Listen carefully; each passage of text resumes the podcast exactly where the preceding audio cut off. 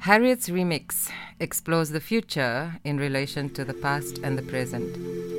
In this third part of the Colored Swan series, four young, talented, beautiful, multidisciplinary artists with mixed backgrounds, Luca Fiagan, Oscar Casamajor, Milo Slayers, and Zen Jefferson, are exploring, relating, counteracting, arguing, discussing, playing, and being in this performance. As is the case for all the previous Colored Swans, dance and performance are entangled with spoken word, song, sound collage, and video work.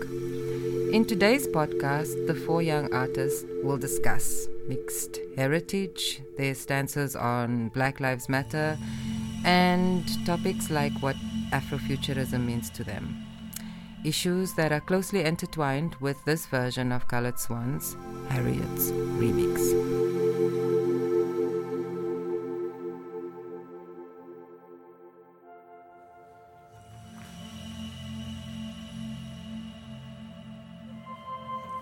Hello, my name is Luca, and um, I am a part time performer, part time writer, musician, and uh, I've met this young man on my right called Oscar five years ago.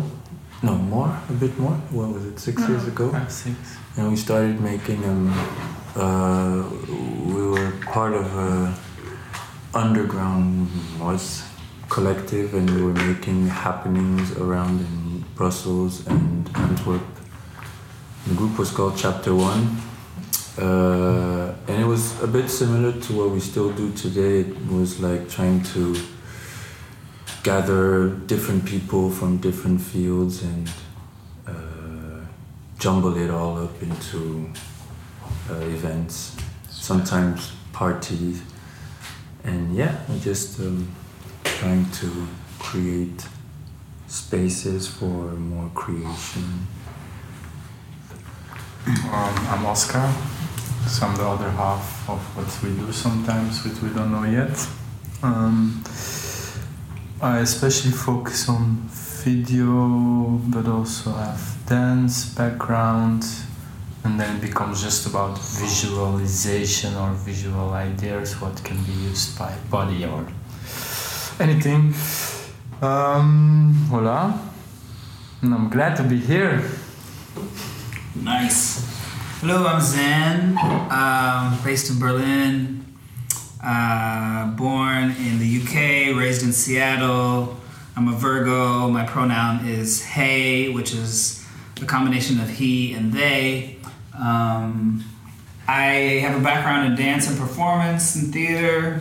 Um, I also am a DJ and a sound designer. I have a radio show, um, monthly radio show on Berlin at THF Radio called Poetic Healing, a radical sonic expansion of Black Love. Um, I kind of work between um, the fields of dance and performance and the body, and interested in expansive ways that I can be in the world within the multiplicity that is being alive on planet Earth.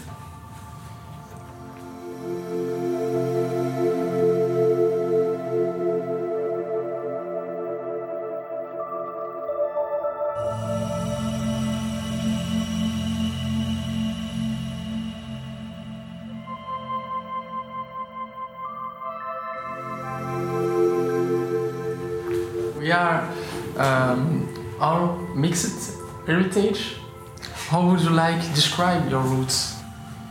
I think it's a very confusing um, description for myself constantly. Uh, I relate this to the fact of um, being ripped off a continent and then being placed in a land, and then also this land has been fighting quite a lot, very bloodily to get freedom. But then, if you reach freedom by blood, you also become a bloody state often, uh, and then you get also ripped off a bit more. So it's a bit um, and then also the blood comes in quite often i think because i think it's more of, of uh, things you don't see or realize or that are not made to be i am doing this because of no i'm just doing it and then afterwards maybe you figure out that there might be blood streams involved in why you're doing it I relate to that. Um, I think, um, yeah, I've been thinking about this question also because you know the the place that I was, the land that I was born on, and the land that I was raised are you know they're not home for me somehow. Um, I was kind of either my people were brought there, and then I was kind of raised there, but then also I'm speaking also this kind of settler colonial tongue as well. So I think, and having kind of my history from Africa being, those histories being erased or a bit difficult to kind of trace because of this kind of colonial past. And so me being kind of the, the echo of that, of these, this ancestral past is, is where I am kind of currently and what I kind of also wrestling with and trying to understand like how to to be in con- conversation with that history and that lineage um, while also enjoying uh, freedoms that I and privileges of a modern kind of existence um, and what to do with those freedoms um, while also having um, the very real kind of lived experience of of being black in the world, right? Mm. And what that does to my sense of being, my sense of um, freedom, whatever that means. Um, mm. So I think it's it's trying to simultaneously kind of embody this expansive version of identity and being outside of um, these markers of domination and mm. power. Um, which I'm still, of course, very much inside of. So I don't know. Yeah, I think part of this project is also like trying to create spaces that are that feel like they're engaging with something that's liberatory in a way mm. uh, that's going against that. And, and when you mention Africa, where where in uh, where precisely I don't know. I don't know. I don't. I don't haven't. I haven't done this uh, genealogy research, so I don't know specifically what I've heard. Maybe I've heard uh, my family talk about maybe Nigeria, and I saw some healer that said I was maybe from Namibia, but I, I don't know actually the kind of the direct link where I am. I mean, my father is African American. Mm. Um, but I don't know that far back actually in my own family's lineage okay. where it becomes. But my last name is Jefferson, and that Jefferson was also one a president, a U.S. president. You know, so I know it's okay. it's like it is a it's a colonial name, Jefferson, right? Yeah. Um, so at some point there was. Uh, yeah, so that's that's kind of also the the yeah oh, okay. the journey of trying to figure that out, but also yeah, that it's complicated also trying or painful maybe to kind of uncover that past or yeah, I'm still kind of in conversation with that or trying to understand what that is. Um, yeah, yeah. And if knowing, if knowing like a village where I'm from will actually, will that do something, or is it is there something? Is there another? Is there other ways that I can kind of be in connection with this past that is maybe not cognitive, maybe it's more energetic or spiritual, or you know, what are ways that I can be like in connection with this ancestral lineage um, outside of maybe um, linguistics or kind of yeah. this this world of uh, that this patriarchal uh, kind of colonial world that has been that I've been created inside of. Yeah, yeah, yeah. And what are kind of energetic and spiritual ways mm-hmm. that I might be in communion or communication with that. And have you have you been to Africa? Yeah, I've been to South Africa and Dakar, Senegal a bit. Yeah. And like, how was that experience? It was beautiful. I loved it. Mm-hmm. Yeah, yeah. But it was also really painful as well. I mean, definitely going to South Africa was really. That was the first time I went to Africa, and I was working mm-hmm. in townships and doing arts projects with children and stuff. Yeah. And it was heartbreaking because you see the the poverty, and you see the you know you see, um, but you also see kind of the the abundance of life and Mm. energy and joy and amidst all of that kind of the what what the West has done to what to Africa. You know what I mean? Yeah. Um, Well, this paradox you're lifting is like has been very proeminent. For instance, because we went to me and Oscar have been like, and uh, all four of us, Moya and Milo and Tunde who's back there. Shouts out to Tunde. Shouts out also to Moya who's from South Africa. So we mentioned too. But um, and also we spend more time in Togo uh, for at least a month. And I come from Togo. I was born I was born here, but I grew up over there. And uh, I came here when I was 16. So it's not like I spent a few years. I spent like 14 years of my life over there, and came here. And uh, I mean, culturally, the shock was pretty intense. So I can say that I still have my uh, roots like strongly embedded with that culture, but in also, in a sense, it's also a lie because as soon as you come here, you're like thrown into this whole new system of behaviors, and you have to quickly adapt to them uh, to be able to find your place. Plus, when you arrive at a certain age, you know, mm, me, I arrived like around like fifth or sixth uh, year of secondary school. So um, groups and clans were already strongly like shaped, you know, and then then it, that was what was the most violent is that I have to I'm confronted to like groups that are already like really solid, and then that's when personally that's when um, you really are aware of like uh, structural rules or like cultural um, ways of doing, you know, and how they completely differ. And just to name very like like uh, very um, cliche or like uh, evident examples is just for instance here there's something a very um, in in back in in uh, in West Africa there's something of like how to include people you know here you have to you have to find a way to include yourself in the group you know Right. like the people will never make the effort to let you inside it's very rare or some people or maybe the, like really open-minded people are like that but here the general tendency is that they, you stick around in a group and the person that is from outside is projected straight away as the outsider Yeah. and you're already confronted strongly with that Yeah. Whereas in Africa, and it's not to make a generalization, it's really something that I experienced even from being in that stuff. Even the outsider, even if it's by teasing him, so we can like mock him and be like make him understand that he's an outsider by saying, ah, look at the white or look at the Asian, you know, and then we'll tease him. But even in this way of teasing, he's included, you know, and then you have to get inside, you know, and here it's like really, whoa, you really feel that you're outside so Yeah. much. Yeah. So that was like one of my cultural shocks, and um, for uh, what I could relate with what you were saying to like connecting with, um, and to go back to the question, connecting to like the historical background or the spiritual background. I I come from a family, so my great grandfather was a ac- academic, and uh, he um, he took on himself the responsibility to write the Ewe language. So in Togo there are many languages, and Ewe is one of the main languages.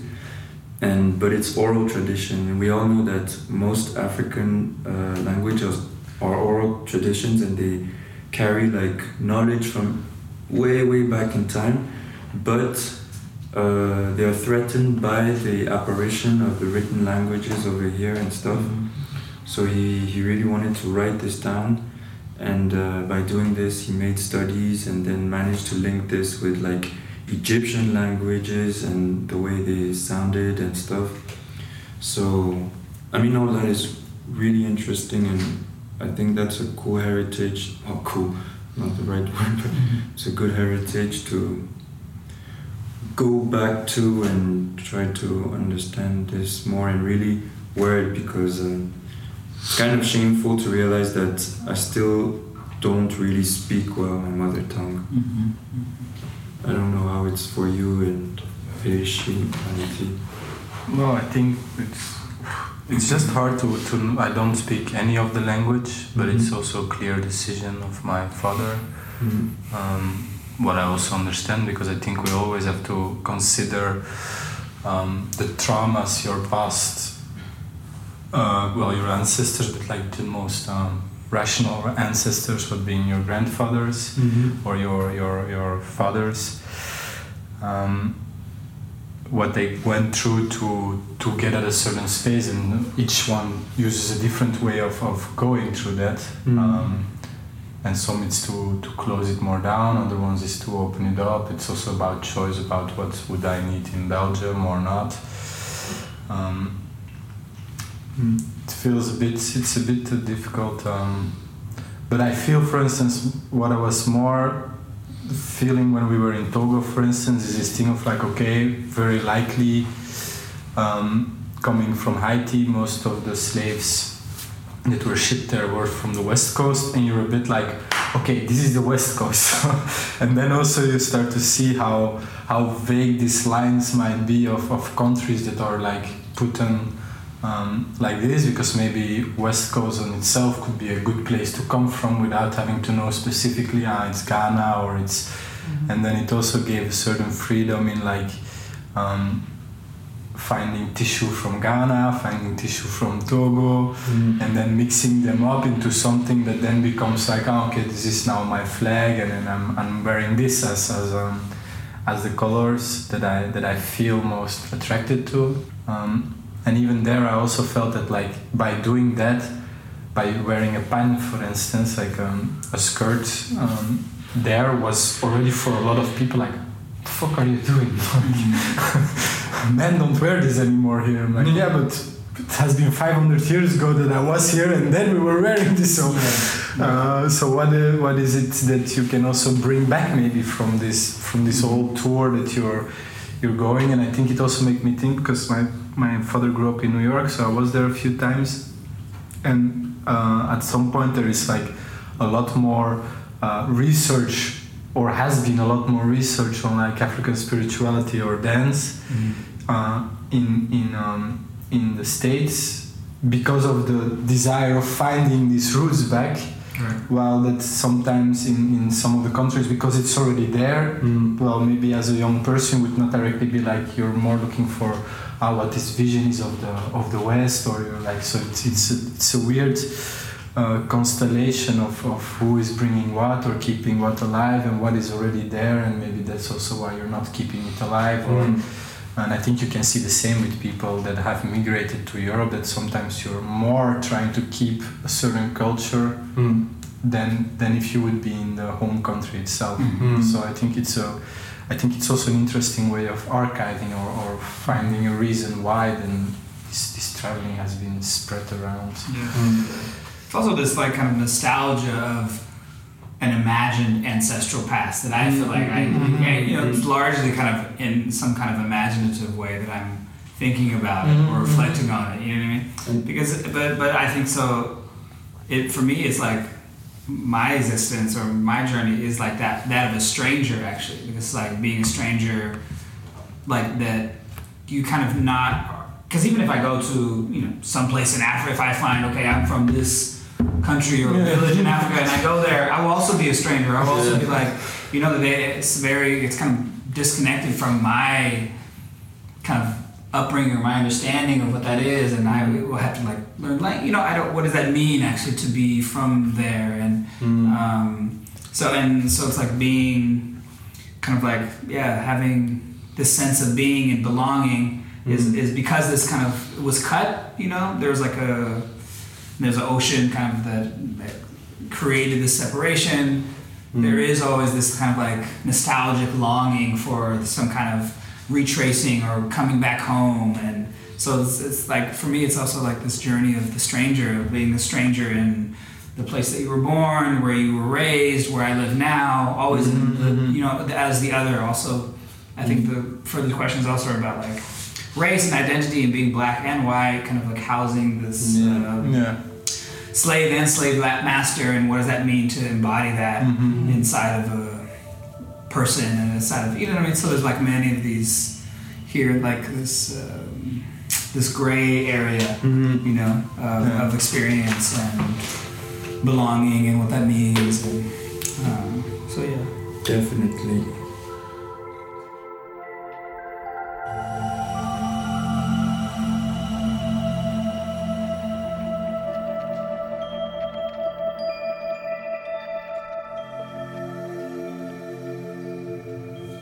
My next question will be um, Black Lives Matters is very present today. How do you relate to Black Lives Matter? What do you think about it? Uh, it's a tricky question because I mean, there's this thing of like, to me, is is there a collective? Uh, is there a collective black consciousness first of all, and that's my my question to you. I mean, how that's how I would answer it with another question. Yeah, I mean, I don't know. I think that like like many other issues or kind of movements within kind of like the lives of what we kind of larger think about what is blackness is that it is an American uh, kind of perspective is is dominating kind of that like there's you know if the same the same kind of thing happens in other places where black people existing and living outside of America, would it have the same kind of attention? Would it have the same kind of um, public global outcry? And the answer is no, it, it hasn't because it's like stuff does happen, and maybe there's a proliferation of documentation and kind of um, agendas behind the media and how they wish to kind of um, propagate this kind of story and this like there's I think there's many reasons why um, it um, yeah why it became because it's not it's not also like police killing black folks in America is also not a new thing. It's not a new. It's thing. becoming there's maybe the newness about it is that it's of the amount of that it's documented and it's shared and it's kind of like socially kind of digested and it's become kind of like this normative thing of death, black death being being this even though yeah, even though black death is also yeah. So maybe maybe how it's kind of the proliferation of how it's been shared digitally maybe is, is, is a newer form of that. But it's not it's not anything new that's been happening. No, right? it's nothing Um, new, and to me, that there's also a form of hypocrisy because I'm, I'm wondering if it's not because you named it as this thing of like how it's much more documented today. So there's this trap where I, believe it's a form of also for the the governments uh, who uh, want to show that they are uh, defending a certain like. Codes of the human rights and such, they cannot um, let this image, you know, go around. Uh, and so it is only important now because it is seen by the people and that it like threatens the legitimacy of the state. I Mhm. feel, and you know, like they have to give a certain image of themselves and say, "Oh no, we are uh, we are a civil and civilized, uh, uh, an, an evolved state, so we cannot accept this sort of stuff going on in our country. But they know that this stuff has been going on forever. It's only because now it's seen that we're like trying to do something about it. I don't. Th- I'm not reducing it only to that, but then as you just said, there's so much more happening around the world that is not documented. And why I'm saying this is like last time I was listening to. Um, a militant from I think Senegal or Ivory Coast, and uh, he was speaking about what happened in Lebanon. So uh, I think we're all aware about the the, the, the bombing, uh, not the bombing, the, the explosion. Um, and he was basically saying that he was he was not gonna let himself uh, get forced to say that we, you know, there's this all this meme going around say we are Lebanon and Lebanon, and he was like, okay, I'm not happy. Um, I won't say I'm happy what uh, for what happened in Lebanon, but I won't enter this hypocrisy and say that I am Lebanon because I have been milit, I have been um, it's called militant activist. I have been activist. I have been um, what's the word? Yeah, I've been a, a militant for a couple of years now to be able to denounce on uh, the fact that in Lebanon there was clear there is clear structural racism and nothing is being done over there. Blacks are being killed blacks are being enslaved. Up to today you know like we're in 2020 and these stuff are happening and no one is saying anything about it and no one has been said i mean and now there's this thing that happened in lebanon and we're speaking about that but no one has been speaking about all the the structural racism that has been going on there. And he's saying i, I cannot you know just because of that, I cannot say I am Lebanon, and because I feel there's a huge hypocrisy, and that's why this question of Black Lives Matter is always kind of tricky because, of course, Black Lives Matter, and I think it's addressing a, a systemic problem, which is why the color black, and then we can enter like a, an endless philosophical debate, which we'll not do now, but then. Uh, I think if we go back to like Fanon and writers of um, uh, of that period, which describe actually how, uh, uh, and even not just writers but also artists like Sun Ra and all, how this racism is something which is much more ideological than just you know yeah we're racist against black it's something that like supports the the current state of mind which uh, which the current world is standing on and uh, it's much more profound than uh, than just being racist. It's something like uh, we're trying to push away everything that could uh, could possibly change uh, or question the foundations of the current society.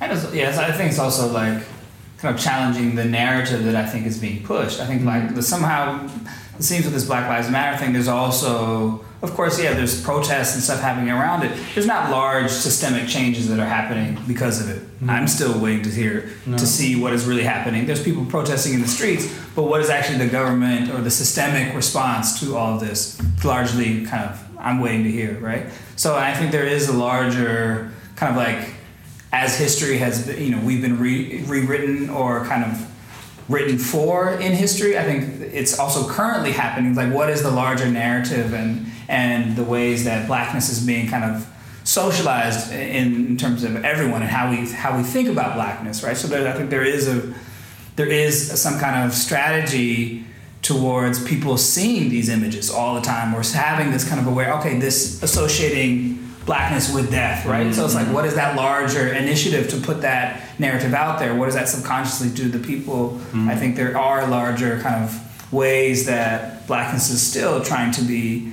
um, kind of written into history and framed. Mm-hmm. Uh, and I think that's also part of these larger systems of domination that are just kind of becoming more nuanced and intricate, you know.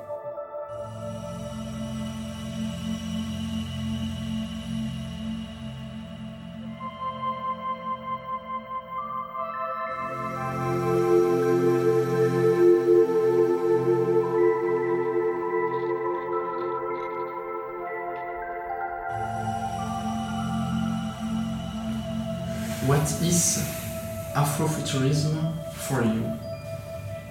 I think Zen quickly put a word on it, and it was this. Um, what, what, did, what did you see earlier on with the, the, the uh, uh, fantasy or imagination of history? Mm-hmm. Something like that? Yeah, the rewriting of, of.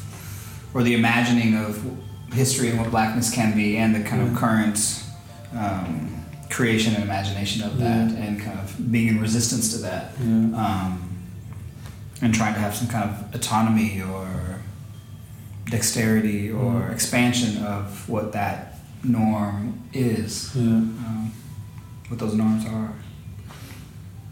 But also, since this history is we can't find it anymore, it's also like uh, create a, a future out of it, and it spawns from like normal futurism, which is like thinking about. Um, it's a movement in art and, and science and like promoting the technology I think and promoting the benefits from technocratic societies and see how that could like benefit uh, how that could like evolve into a better fusion with human society. And this is just a derivative of it and like imagining to centralize this idea of futurism with also cultural identity and African cultural identity, especially. just have to think of two things that what was noticeable while traveling is one thing that um, that it's very much a term that comes out of um, the states or out of west western society put it onto uh, Mm. africa or onto our visions that we have Mm. because I can also believe that if you're living in Africa, you're always in the now there, and then also thinking about the future. So it's something that is already like alive. Because in Africa there was not really like an industrial revolution going on.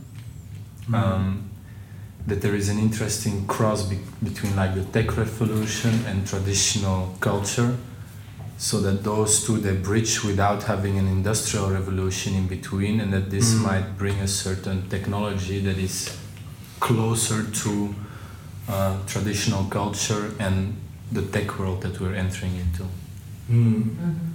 um, and then I think we can all find narratives and, and fantasies of what this might look like and what, what we what we do with it or where we use it. But I think that was for me Mm. the most accurate point of like uh, something actually happening. You know, like this Mm. everything. There is no desktop computers or have really been desktop computers. No, everything is directly directly to smartphones. Actually, like to really answer the question, what is Afrofuturism for me? It's Kodwo Eshun, uh, Octavia Butler, uh, Sun Ra, Kendrick Lamar, yeah, also. Um, yeah, it's just black people deciding that we can also write history Mm-hmm. By writing future. by writing future, by writing present and future. Yeah. Yeah. Which music describe um, for you Afrofuturism? I mean, Alice Coltrane maybe is the obvious, uh,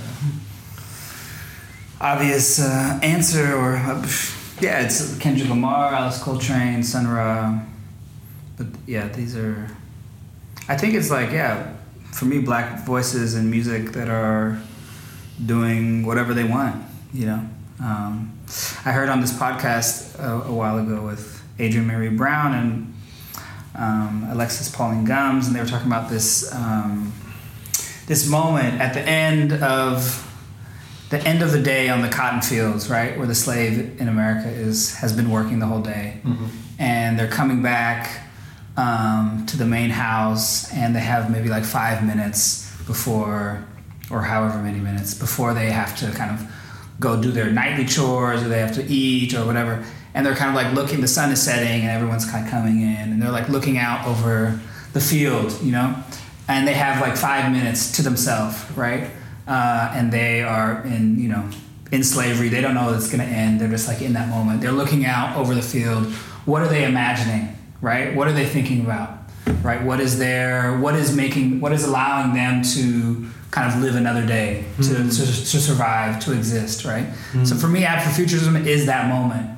Is that moment that they're looking out and they're imagining Yeah. whatever. I don't know what they're imagining, but I but we are I am kind of an echo of that, right? So it is Yeah. about kind of embodying and filling and expanding to whatever that moment, that five minutes can be, right? Yeah, yeah. And that can be so many things, right? Yeah. Um, so for me, that's like kind of a kind of a metaphor for what Afrofuturism can be.